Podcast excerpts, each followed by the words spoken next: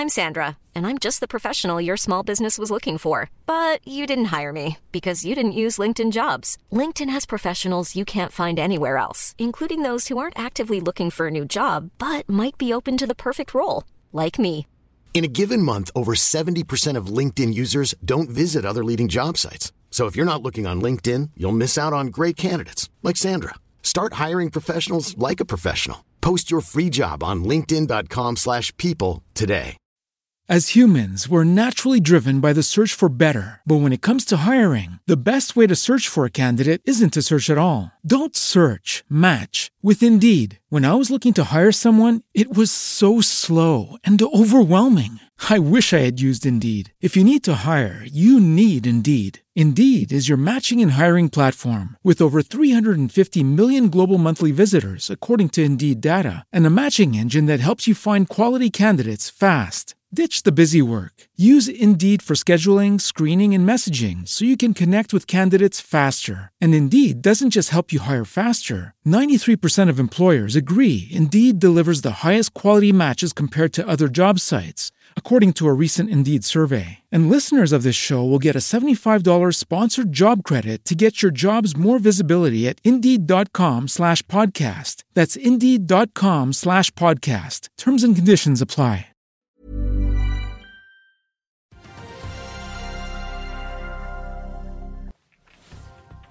Sjømatnæringen møter finansministeren. Er det i dag vi får fasiten på hva lakseskatten blir? Norsk økonomi vokser mer enn eh, ventet. Og fortsetter den spinnville handelen i Flyr. Det er fredag 18.11. Velkommen til Børsmorgen.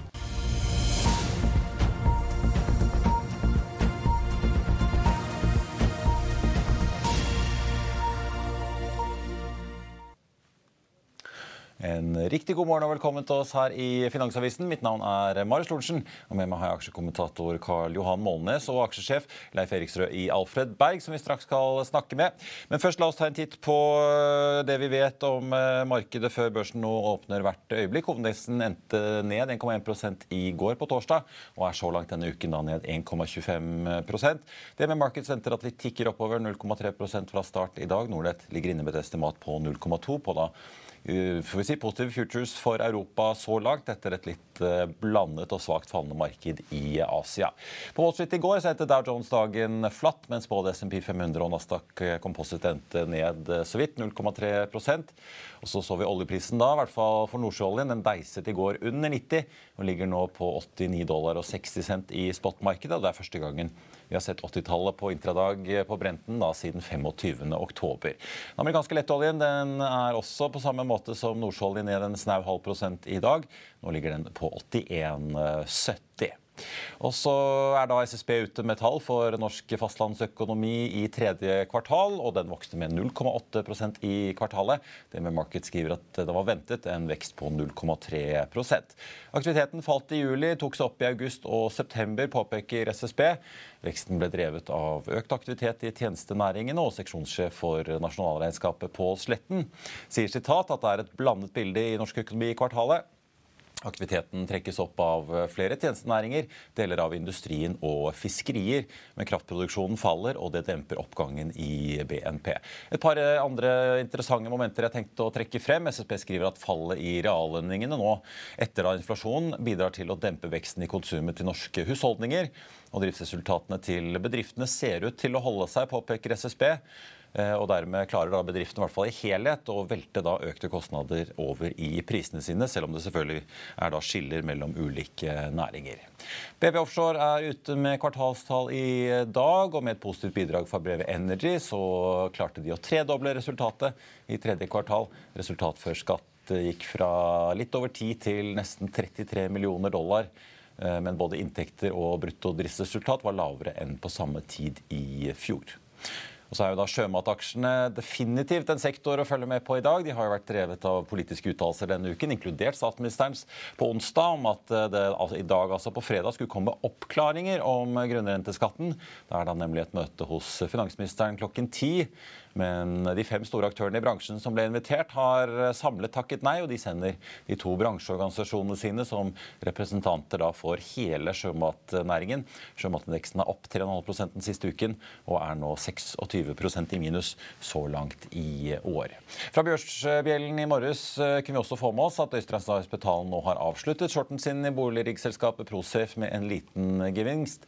Investorer som Silje Middelfart, Magnus Halvorsen, Ketil Skorstad, Arne Blystad og Edvin Austbø er blant investorene som har satset på opptur i eh, boligrigg-aksjen.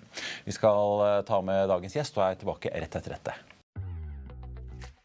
La oss i Finansavisen hjelpe deg med å holde deg oppdatert på alt som skjer i finans og næringsliv. Hver morgen er jeg, Marius Lorentzen, og aksjekommentator Karl Johan Målnes på plass i studio for å ta tempen på dagens marked i Børsmorgen. På ettermiddagen oppsummerer vi alt du trenger å vite i økonominyhetene, og så får vi selvfølgelig besøk av masse interessante gjester. Du finner oss på fa.no-tv eller ved å søke opp Børsmorgen og Økonominyhetene der du hører på podkast.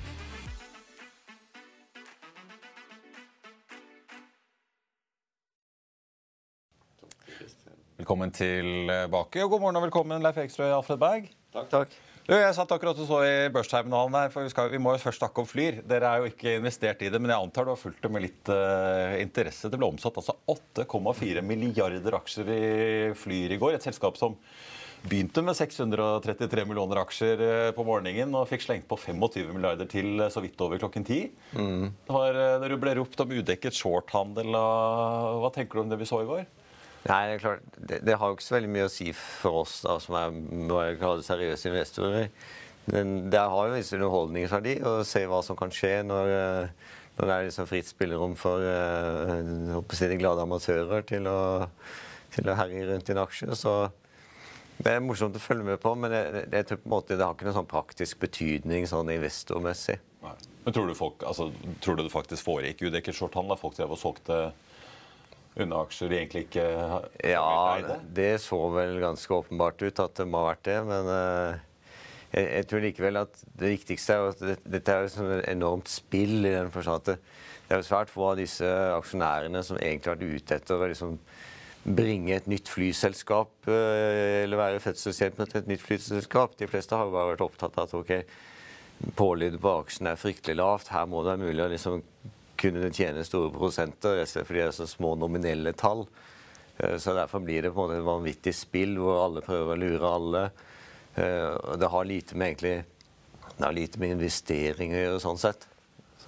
Har Finanstilsynet meldt seg på. De sier at de skal undersøke hva som egentlig skjedde i går. i den du vet, det, det kunne blitt virkelig sirkus hvis at eh, man så dette skjedde første time. Så sa man at vent, stopp en halv, nå uh, venter vi med å trykke de nye aksjene et, et par ja. Så ser vi hva som skjer. Og Da ville vi fått det samme som med strømprisen, at prisen ville gått fra ett øre til ti kroner i løpet av et par dager. Og komplett panikk. Og, men det skjedde jo ikke, da. De aksjene kom jo en time etterpå.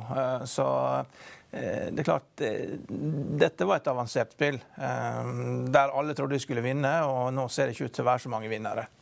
Nei, både Sven Egil Larsen og Robert Ness i Nordea det var jo flere som eh, ropte og hoiet og mente at her var det ting som ikke skulle skje som eh, foregikk. Ja, Det er merkelig. ikke sant? Hvis du har hatt alle muligheter til å selge på 10 øre, 9 øre og 8 øre dagene før, hvorfor skal du selge på 2 øre akkurat i timen før det kommer aksjer til 1 øre? Det er ja. merkelige greier.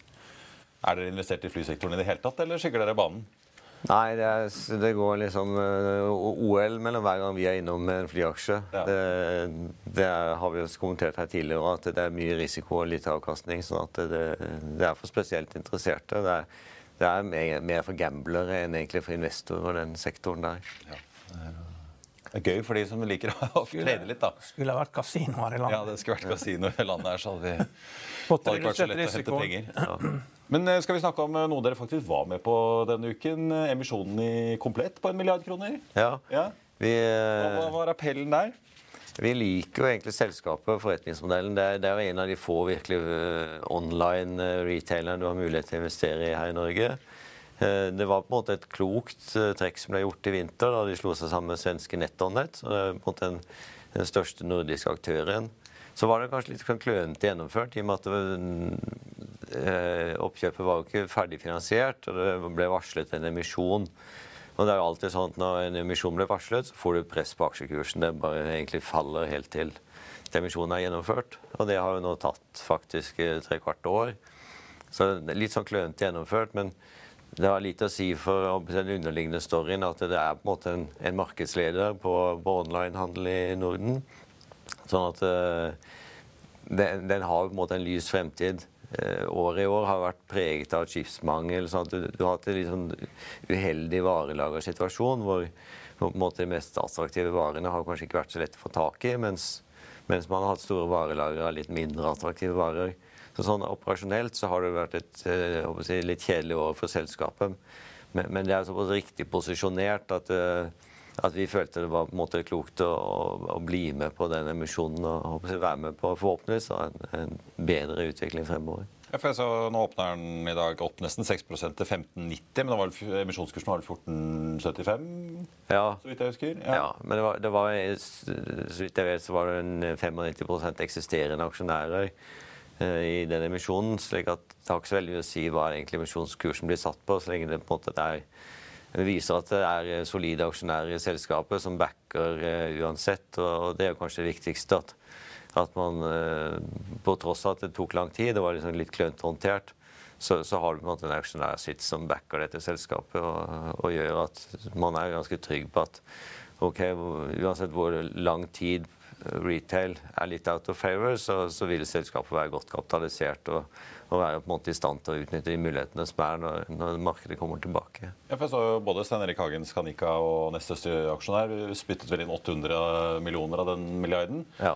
Men eh, når vi ser det har kommet resultatvarsler fra Kid mange er jo, Europris er veldig åpne på at eh, de posisjonerer seg for at folk er veldig prisbevisste og skal ha mest mulig lavprisvarer i hyllene. Mm. Dere er ikke bekymret for at uh, handelen fremover blir ganske laber da, for Komplett og disse andre aktørene i varehandelen? Jo, jeg som er inne på, det har egentlig vært et sånn dårlig år operasjonelt for dem.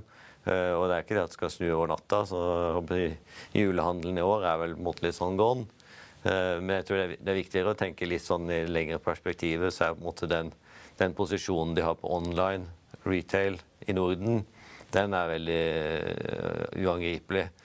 Sånn at, eh, at, online blir viktigere fremover. Det er på en måte det er jo litt sånn en no-brainer, egentlig. Og... Altså, du tenker at ja, årets uh, julehandel og sikkert utover vinteren blir laber, men du ser på en måte forbi det? Du tenker ja. at det er bakt inn i, ja, da.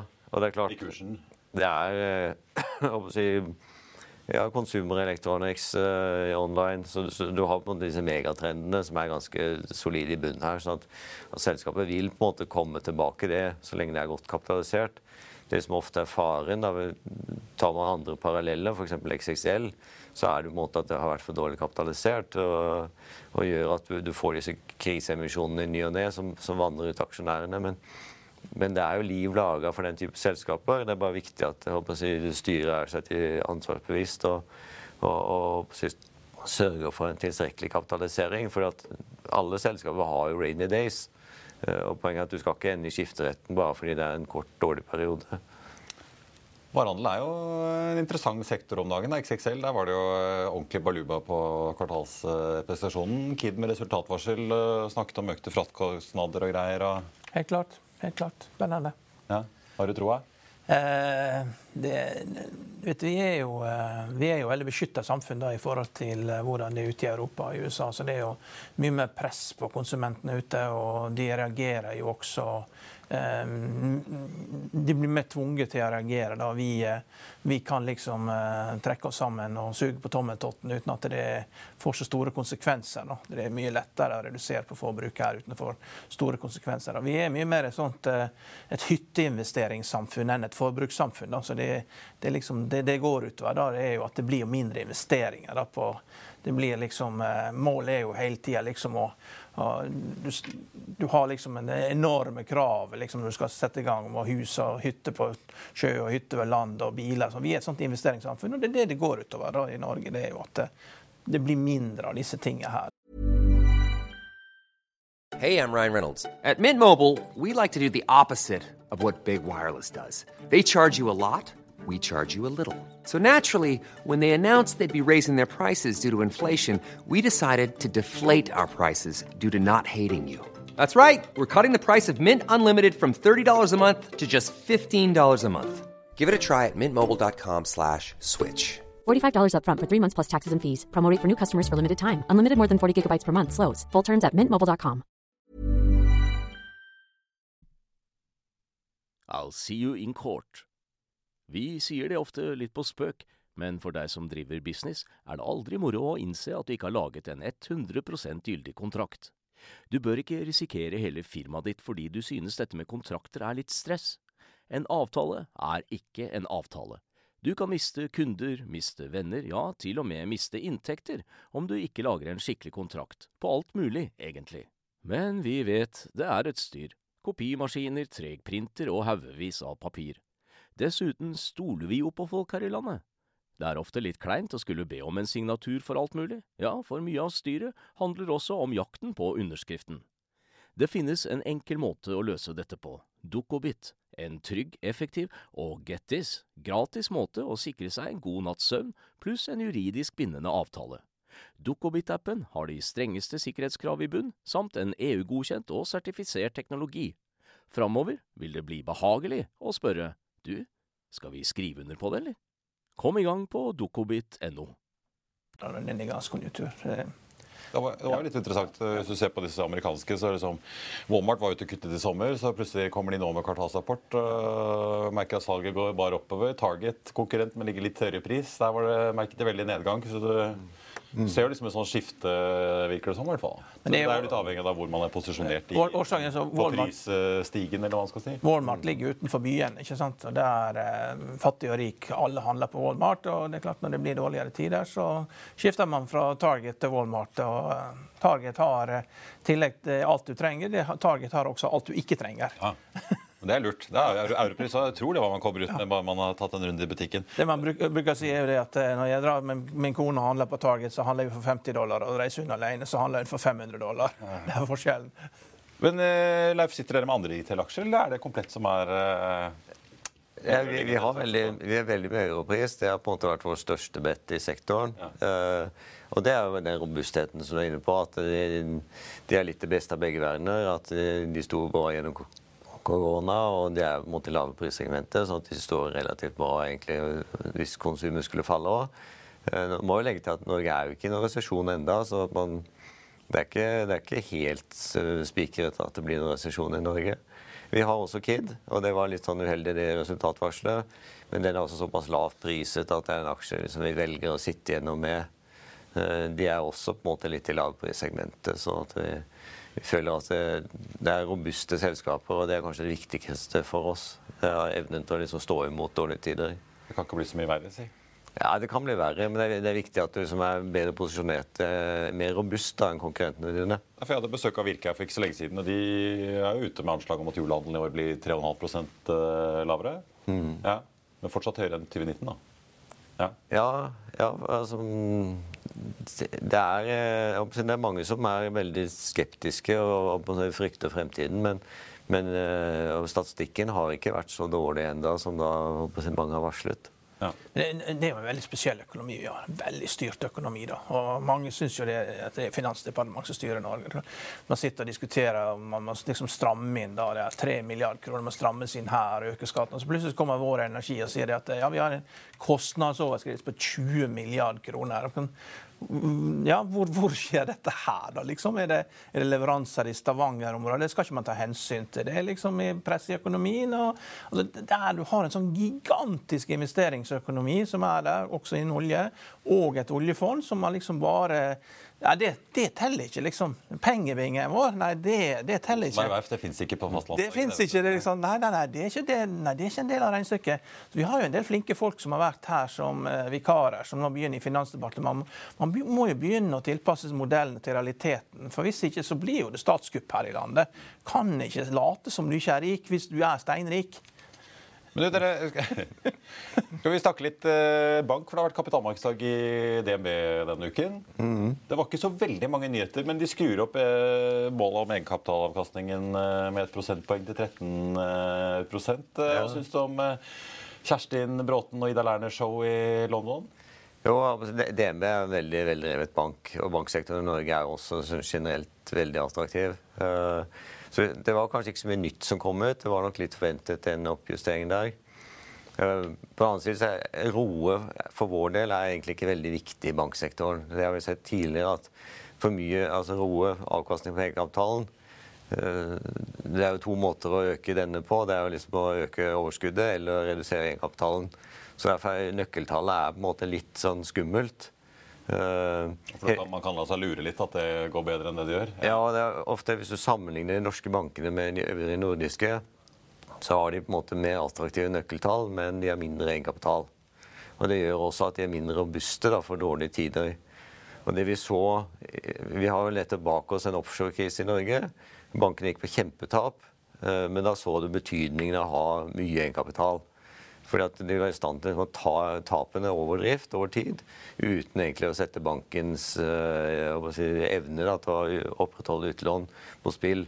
Så det, det er både viktig å ha solid egenkapital i bånn i en bank.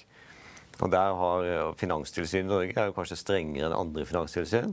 De er strengere på tolkningen av disse interne modellene osv., som gjør at norske banker egentlig blitt tvunget til å ha litt sånn mye egenkapital. Eh, sammenlignet med andre banker. Det har de jo klagd på i årevis, at de, ja. de syns de stiller så dårlig an i forhold til andre europeiske banker. Ja. ja. men vi er egentlig litt takknemlige for uh, at Finanstilsynet har på en måte vært så strenge. Hvis ikke så kunne de risikert at de hadde liksom, tatt egenkapitalen for mye ned. Og Du hadde jo koronanedstengene for to år siden, hvor, bankaksjer ble jo selvfølgelig noe av det hardest rammet. Rett og slett fordi at markedet frykter at her kommer det økte tap. Og, og og egenkapitalen din er ikke spesielt stor hvis tapene øker. Da er du fort ned på rødt nivå og må da trykke aksjer. Og det er ingenting som er verre enn å trykke aksjer når på en måte kursen er lave, for da, da må du ha kjemperabatt igjen. Så derfor er det, sånn sett så er det mye viktigere for oss å ha en ekstra prosent egenkapital enn å få en ekstra prosent på roe. Eh, sånn sett så syns jeg på en måte dette, at, at roe er et måltall, det er, som, det er liksom gummistrikk. For du kan egentlig du kan strekke det så langt du vil. Men er det noen grunn til, Du nevnte jo tapene de hadde på offshore, som jo var ganske store i eh, DNB, Nordea, Abnambro og liksom hele gjengen ja. som driver innenfor sektoren. Er det noen grunn til bekymringer videre nå, da, når vi ser at uh, mange eiendom, eh, spesielt i Sverige, da, men det er ikke bare der uh, mange næringseiendom uh, sliter med økte renter. Mm. Altså, hyttemarkedet er under ganske press. Det snakkes om at det er gitt mye lån til, på norske hytter. Nordmenn har mm. kanskje ikke så lyst til å selge disse hyttene, men likevel er det ting i porteføljene til eh, DNB som er grunn til bekymring? Ja. Nei, altså, først er jo Rentene fortsatt lave sånn i historisk sammenheng. Det, det, må vi huske. Det er mer, altså, at det ble satt til null uh, under koronanedstengningen, det var jo kanskje litt sånn overdrevet, rett og slett. Så at de, de første 2% opp, det er jo egentlig bare back to normal. Så det er jo ikke spesielt høye renter nå som, som gjør at det rammes ikke så spesielt hardt. Og så hadde vi en faktor til eh, som bankene var veldig flinke til under offshorekrisen. Det var jo faktisk å, bruke obligasjonsmarkedet. Slik at alle disse Asset Play-spillerne de hadde jo ikke bare bankfinansiering, de hadde jo også eh, obligasjonsmarkedet. Så, så, obligasjonsmarkedet var jo på en måte sånn første bufferen. Som gjorde at, at uh, bankene slapp jo en del tap som de for 20 år siden hadde tatt på egen bok. Og det har de jo sagt mye siste Eh, sykkel nå når det gjelder eiendom, er jo at eh, de har vært forsiktige med finansiering av eiendom. Så disse eiendomsselskapene har jo også mye obligasjoner, eh, som da er si, med litt dårligere sikkerhet. Så det er jo Derfor er måte bankenes situasjon litt bedre nå enn si, under den krisen på 90-tallet. Sånn at jeg tror bankene er litt mindre eksponert mot eiendom enn det man kanskje skulle tro. rett og slett fordi du har obligasjonsmarkedet som en sånn buffer imellom, da, som, som, vil ta de første tapene. Uh, det er kanskje det store røde flagget, Karl Johan, hvis, uh, altså det, hvis, hvis, det begynner å bli liksom ordentlig forfall på, det, det, i obligasjonsmarkedet? Ja, altså det, som, det man alltid må følge med på, det er jo de som uh, gjør det altfor godt. da. Mm. Sånn som private equity. De taper jo aldri penger. ikke sant? Nå er jo renten opp med 4-5% og De skriver jo ikke ned verdien i det hele tatt. Det er jo ikke noe problem for dem. Der, så Man må jo begynne å lure på det. og Det går jo rykter om at det skal bli, det er en del som trenger likviditet. og du mens man tidligere, private equity eh, holdings, de blir omsatt i annonsmarkedet, så er det nå så stort press på å få ut likviditet at du får store salg ut av porteføljer. At porteføljer kan likvideres i løpet av eh, ja, desember. Da. Det, det, er det som Vi må begynne å følge med på det. Og det er ofte sånn at det, farene kommer jo ofte der du minst venter det, der det ikke har vært fare før. Og eh, dette er jo Det har jo vært veldig lett å drive med private equity. Det er jo, har, de har jo kunnet stenge seg ute fra virkeligheten og volatilitet i eh, Det har vært eh, carry trade i 40 år, ikke sant. Så det har gått litt for lett, og da er det alltid fare på ferde. Det, det, er der det bruker å dukke opp problemer. Mm. Vi skal eh, straks eh, snakke om litt eh, shipping med Leif Eriksrød i Alfred Berg. Vi skal ha en liten reklamepause. Tenkte bare på vei ut å få med at hovedindeksen på Oslo Børs starter opp 0,1% med en Flyr-aksje som etter to dagers fall på rundt 60% begge dagene, nå opp så vidt over en prosent. Komplett som vi snakket om, opp 1,2% nå. Og en sjømatindeks på Oslo Børs ned 2,3 da bare ja, drøy 40 minutter før da møtet med finansministeren eh, starter her nede i Oslo sentrum. Vi er straks tilbake rett etter dette. Bokhandlere i hele Norges land, wake up! Aksjer handler ikke bare om lommeboken, men også om fremtiden og verden rundt oss. Vi drømmer alle om å bli rike i en fei. Er det ikke da bare å kjøpe og selge aksjer, Roger? Kjøpe og aldri selge. Husk, de beste pengene som investor de tjener når du sover. Og hvis du, aksje, hvis du selger aksjene før du legger deg til å sove, ja, ja, så blir du ikke rik over tid. Det er min påstand. Aksjeskolen, levert av Finansavisen av Roger Berntsen og Alex Rosén.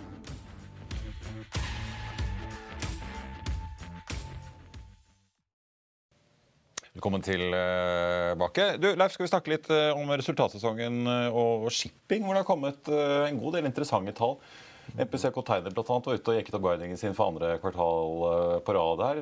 Mens vi ser Golden Ocean tørrlast, eh, der er resultatene på vei ned. Eh, hvordan leser du de store rapportene vi har fått fra shipping?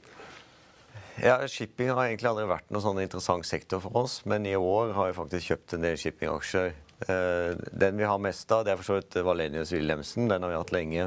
Ja, Bilfrakt, altså? Ja, og ja. det er mer sånn industrielt. Så det er kanskje ikke sånn type, typisk sånn jojo-shipping som de fleste segmentene er. Men uh, der som faktisk har vært gode tider i år, det er jo i alle former for tankshipping. Enten det er produkttank eller gasstank eller oljetank.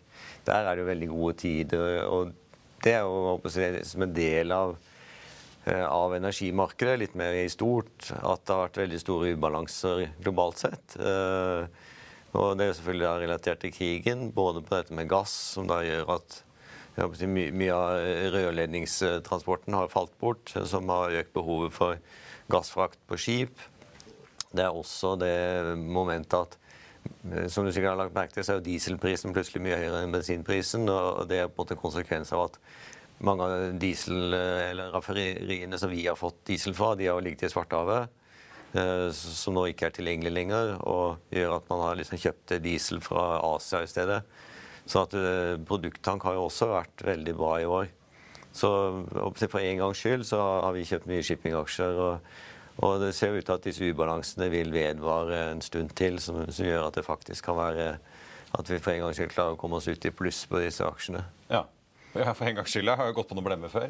Altså, Shipping har jo historisk vært veldig jojo. Ja. Uh, og det har vært på en måte skipsmeglerne som har tradet, for de sitter på en måte først i informasjonskilden, og så har på en måte vanlige aksjeinvestorer sittet lenger bak i køen. Og, og har på en måte blitt, uh, ja, kommet litt på etterskudd hele tiden.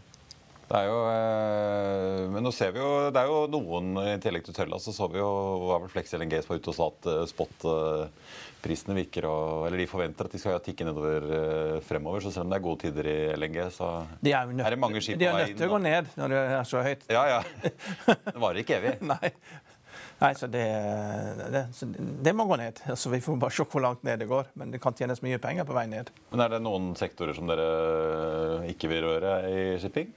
Ja, Det som er litt off nå, er jo da Golden Ocean eller type tørrlast. Ja. Der er jo ratene litt svakere. og det, det, er jo mer sånn generell konjunktur, eh, altså global konjunktur og sånn. For, for, der er jo ikke, er ikke handelsmønsteret rammet i samme grad da, som på, på, på, gass og produkt. Det, det er veldig påvirket av, av krigen. Ja, og Så venter man vel litt på Kina når denne ja, gjenåpningen kommer eh, ordentlig? Kina er jo den store takeren av på en måte tørrlastproduktene. sånn at så lenge måte, Kina er stengt ned, så, så påvirker det etterspørselen der. Så, men når det gjelder gassratene, så er jo de rett og slett en funksjon av, av, av prisforskjellen da, på gass i USA, Europa og Asia. Så, så vil jo på en måte fraktraten egentlig bare nivellere prisubalansene der. Så at når gassprisen i Europa har kommet ned, så vil jo på en måte også da fraktraten falle. Vi følger værmeldingen. Det er vel værmeldingen er veldig egentlig gradestokken på kontinentet som avgjør uh, A hvor lenge disse lagrene holder, og B hvor mye mer LNG Kalle i LNG-bransjen må frakte inn. Mm. Ja. Vi må jo snakke litt om Gambak-fondet, det suksessfulle vekstfondet som dere har. Eh, og eh, det gjør dere noe spesielt nå. Altså, nå har vi hatt en lang periode med vekst. Det har dere anledning til å gå 30% i kontanter før en nedgang eller noe sånt? Kan dere gjøre det? Nei. Nei, altså det er jo aksjefond. og, ja. Og Det er jo tusenvis av ulike andelseiere der som har tusenvis av ulike meninger om aksjemarkedet skal opp eller ned. sånn at vi på en måte overstyrer ikke det. Det er på en måte et, et aksjefond. Så hvis du si, ønsker å investere i aksjer, så, så, får du aksjer der. Det risikerer ikke at det er 30% cash. Det, det, skjer ikke. Så vi har ikke mer cash enn at vi på en måte håndterer tegninger og innløsninger. Så det er typisk sånn 2-3% cash. Eh, så, så, det er på en måte en aksjeportefølje av de aksjene vi til enhver tid har mest tro på. Og i år så har det på en måte vært et betydelig skifte da, inn i energiaksjer og den type uh, sektorer. Så, dere har ikke endret strategi i Gambak? Nei da, det, det tikker og går. Det er upåvirket. Uh, og det som er litt morsomt å se, er at det skal ikke mer enn to år tilbake så var det 0% energisektoren i det fondet. Nå er det største sektor med rundt 30 mm. Så det, det, er veldig aktivt fond da, som, som søker å utnytte de mulighetene som er i markedet hele tiden. Ja, En fordel kontra de amerikanske, for når de selger, vet du, så blir det skatt på halvparten av aksjonærene. sånn, ikke sant? Så det, det, er mindre fleksibilitet ute enn det er hjemme da, mm. og, uh, i et fond. Mm. Det må man dra nytte av. Ja. Mm. Du, min ære, Leif Eriksø, tusen takk for at du kom innom oss på en fredag på ukens siste børsdag. Så får vi se hvordan det går med disse lakseaksjene utover dagen. Dere sitter fortsatt på gjerdet? Ja, det er for, for, mye frem og tilbake hele tiden. Så det, jeg tror ikke man klarer å trade på dette. Det blir sånn 50-50 sannsynligheter. Nei, da må du sitte i politisk avdeling i tror jeg. Da, da, har du bedre insight enn de fleste.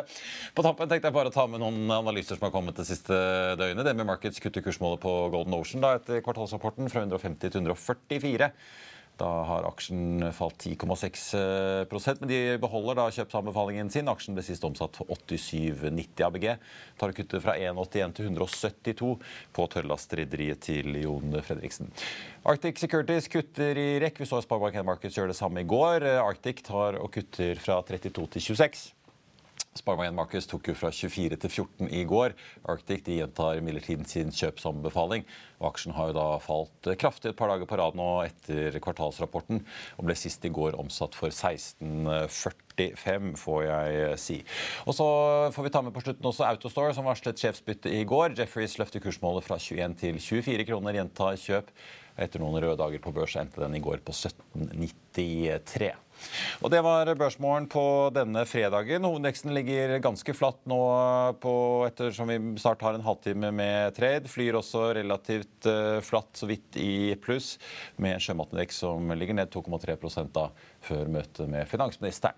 Økonominyhetene er på plass 13.30. Der skal vi ha med Kristin Skau i Aksje Norge. Og så skal vi gi deg siste nytt fra dette skattemøtet. Siste nytt får du ellers på fa.no. Takk for følget i denne omgang. Ha en riktig god helg alle sammen, og så ses vi igjen på mandag.